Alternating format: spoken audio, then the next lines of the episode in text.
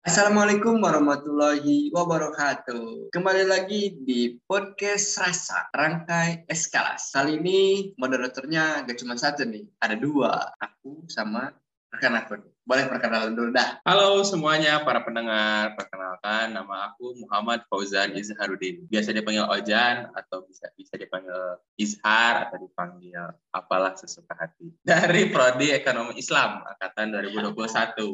Oke.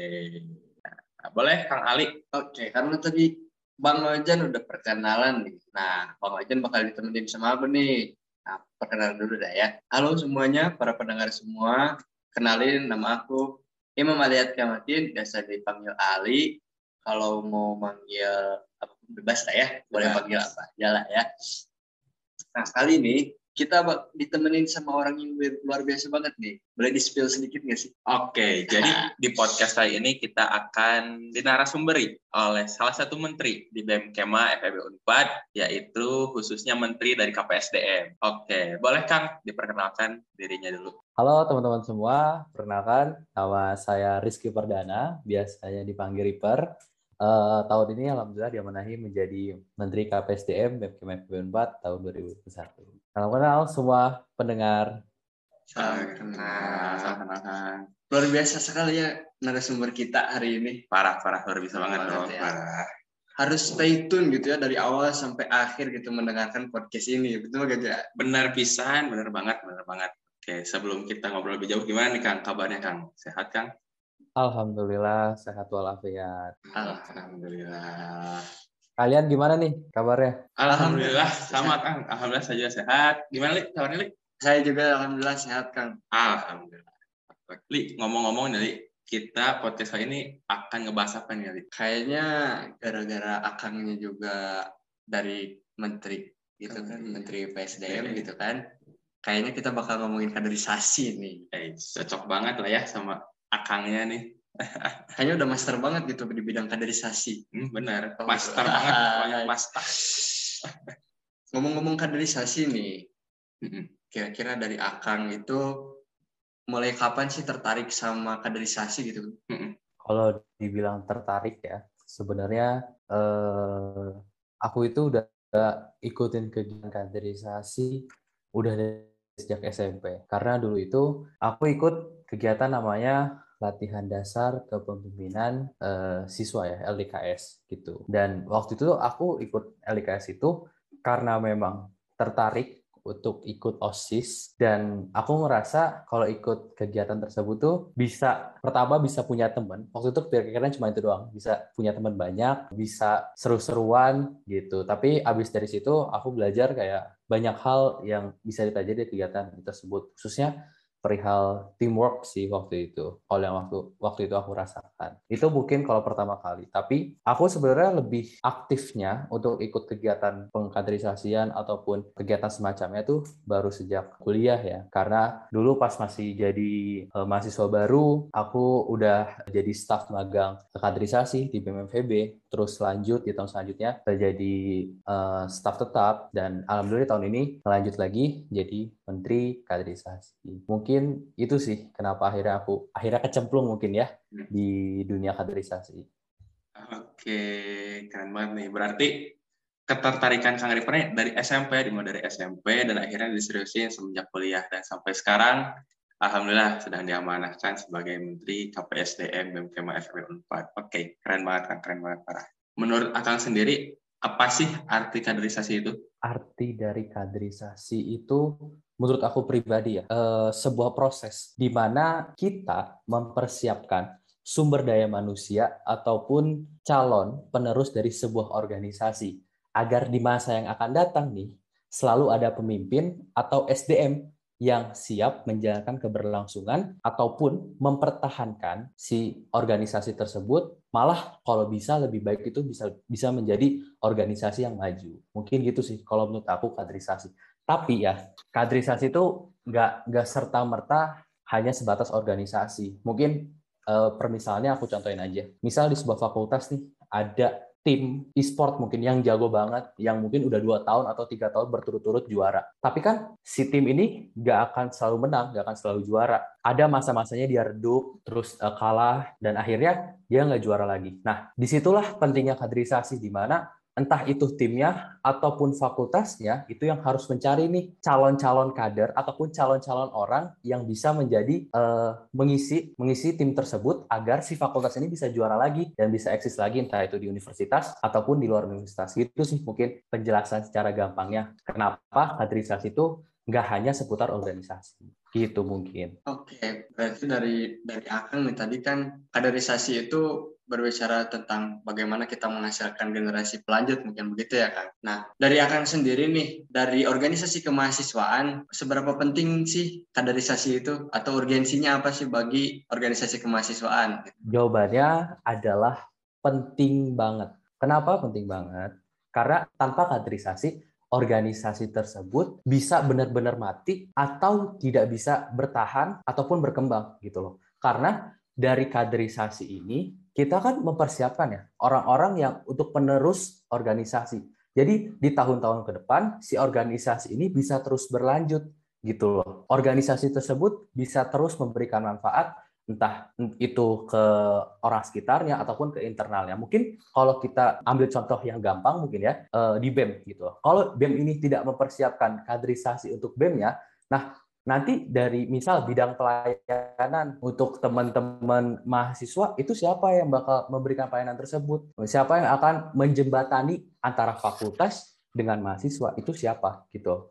Makanya si kaderisasi ini penting untuk organisasi agar setiap tahun selalu ada organisasi yang siap untuk memberikan uh, manfaat gitu ke sekitarnya. Mungkin gitu sih kurang lebih kenapa itu penting. Oke, berarti yang bisa aku simpulin berarti proses kaderisasi itu sangat penting bagi sebuah keberjalanan suatu organisasi. Tidak hanya di lingkup kemahasiswaan berarti ya, apalagi secara umum di organisasi secara umum. Menurut Akang nih, bagaimana sih ketika ada organisasi tidak memaksimalkan proses kaderisasi itu sendiri, Kang? Menurut aku bakal jadi chaos ataupun bakal kewalahan gitu. Karena ya apa pun organisasinya kan pasti selalu harus ada penerusnya. Dan kalau itu tidak dipersiapkan, organisasi itu ya ya bakal tidak akan berkembang ataupun bertahan. Kayak misal di di di BEM nih eh, nggak eh, ada menteri yang bakal ngelanjutin. Berarti kan menteri itu kosong dong. Terus fungsi dari kementerian tersebut bakal tidak berjalan dengan lancar. Nanti kan yang dirugikan entah itu BEM-nya,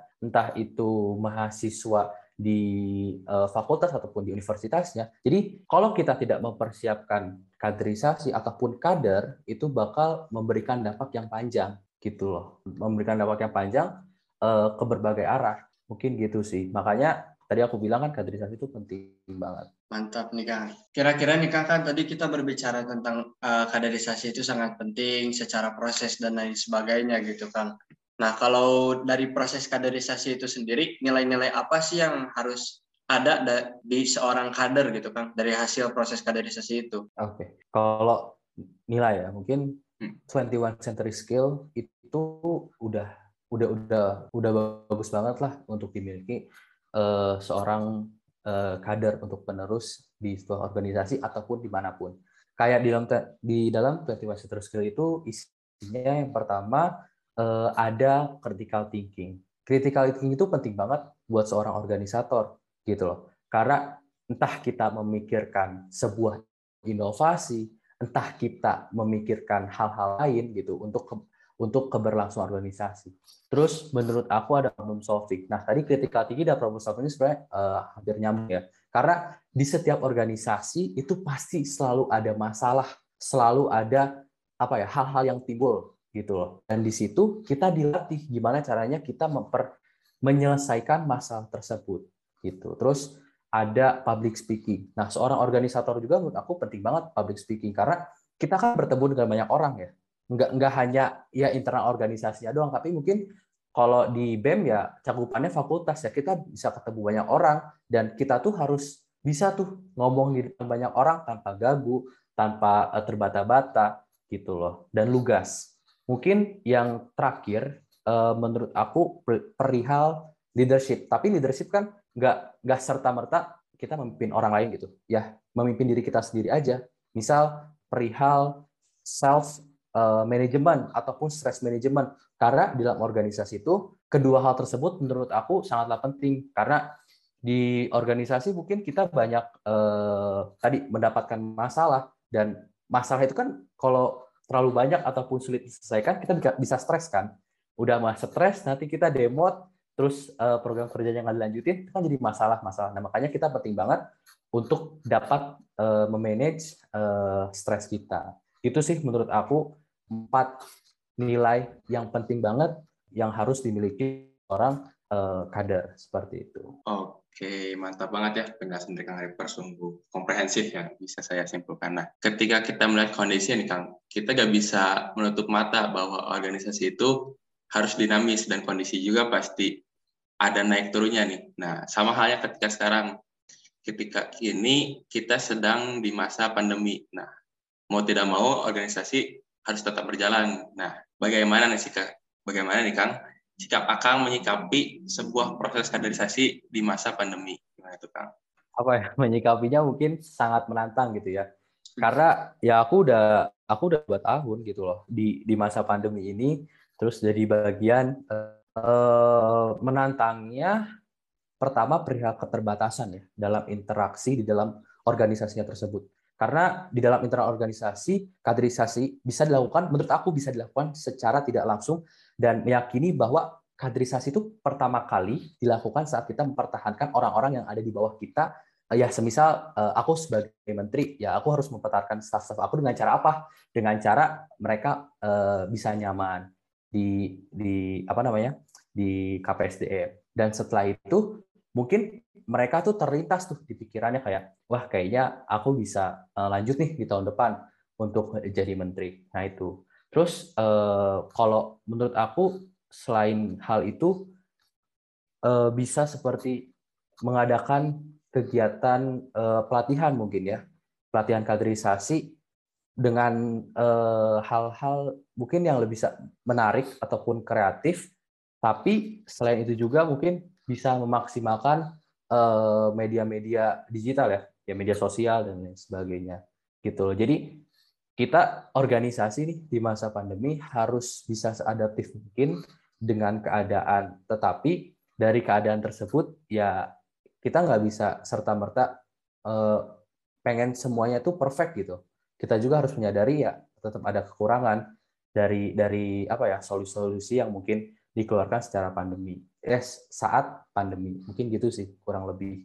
Kan tadi kita berbicara tentang uh, penyikapan nih akan di masa pandemi ini gitu kan. Nah kalau misalkan di masa pandemi ini kan terjadi banyak hambatan gitu ya kan terutama di komunikasi terus dan lain sebagainya lah banyak lah. Pokoknya organisasi itu uh, bahkan bisa sampai mati gitu kan komunikasinya. Nah kalau dari akan sendiri gimana sih cara mengefektifkan proses dari kaderisasi itu sendiri sehingga eh, nilai-nilai uh, pokok yang tadi uh, akan udah sebutkan itu bisa tersampaikan kepada kader selanjutnya gitu kan. Uh, kalau memang kita mau mengefektif, mengefektifkan proses kaderisasi apalagi di luar jangkauan kita ya mungkin di luar anak-anak internal di organisasi mungkin uh, kita bisa ya pemaksimalan media sosial gitu karena misalnya gini uh, dari suara pengembangan uh, dari IG-nya KPSDM, kita bikin konten seputar BP2K. BP2K itu buku panduan pedoman kaderisasi. Nah, dari situ kita bisa uh, memberikan misalnya ngepost nilai seputar tadi uh, problem solving. Nah, diharapkan orang yang baca problem solving ini bisa tertarik gitu loh. Tertarik terhadap nilai tersebut. Nah, dari situ mungkin orang tersebut uh, nyarilah di Google ataupun kalau bagus banget orang tersebut tuh sampai tertarik ikut kegiatan-kegiatan eh, kaderisasi mungkin gitu sih kalau menurut gua cara mengefektifkan eh, proses kaderisasi di masa pandemi gini gitu. Oke, mantap banget nih ya Kang jawaban-jawabannya.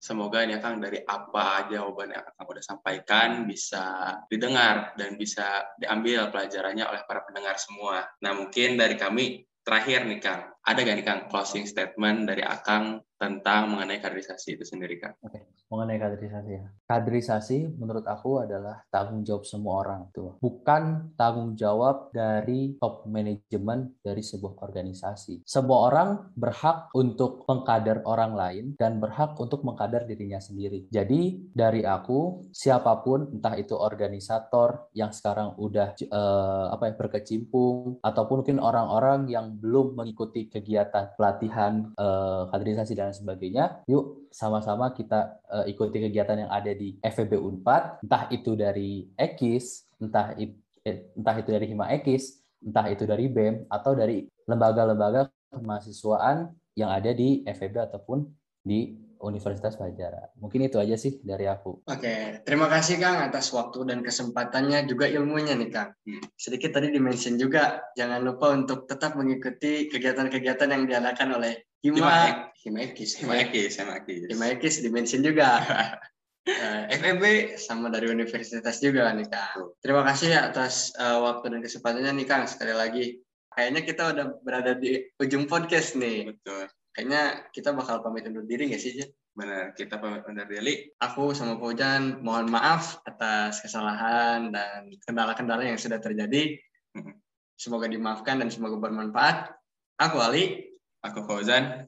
Kita berdua pamit undur diri. Assalamualaikum warahmatullahi wabarakatuh.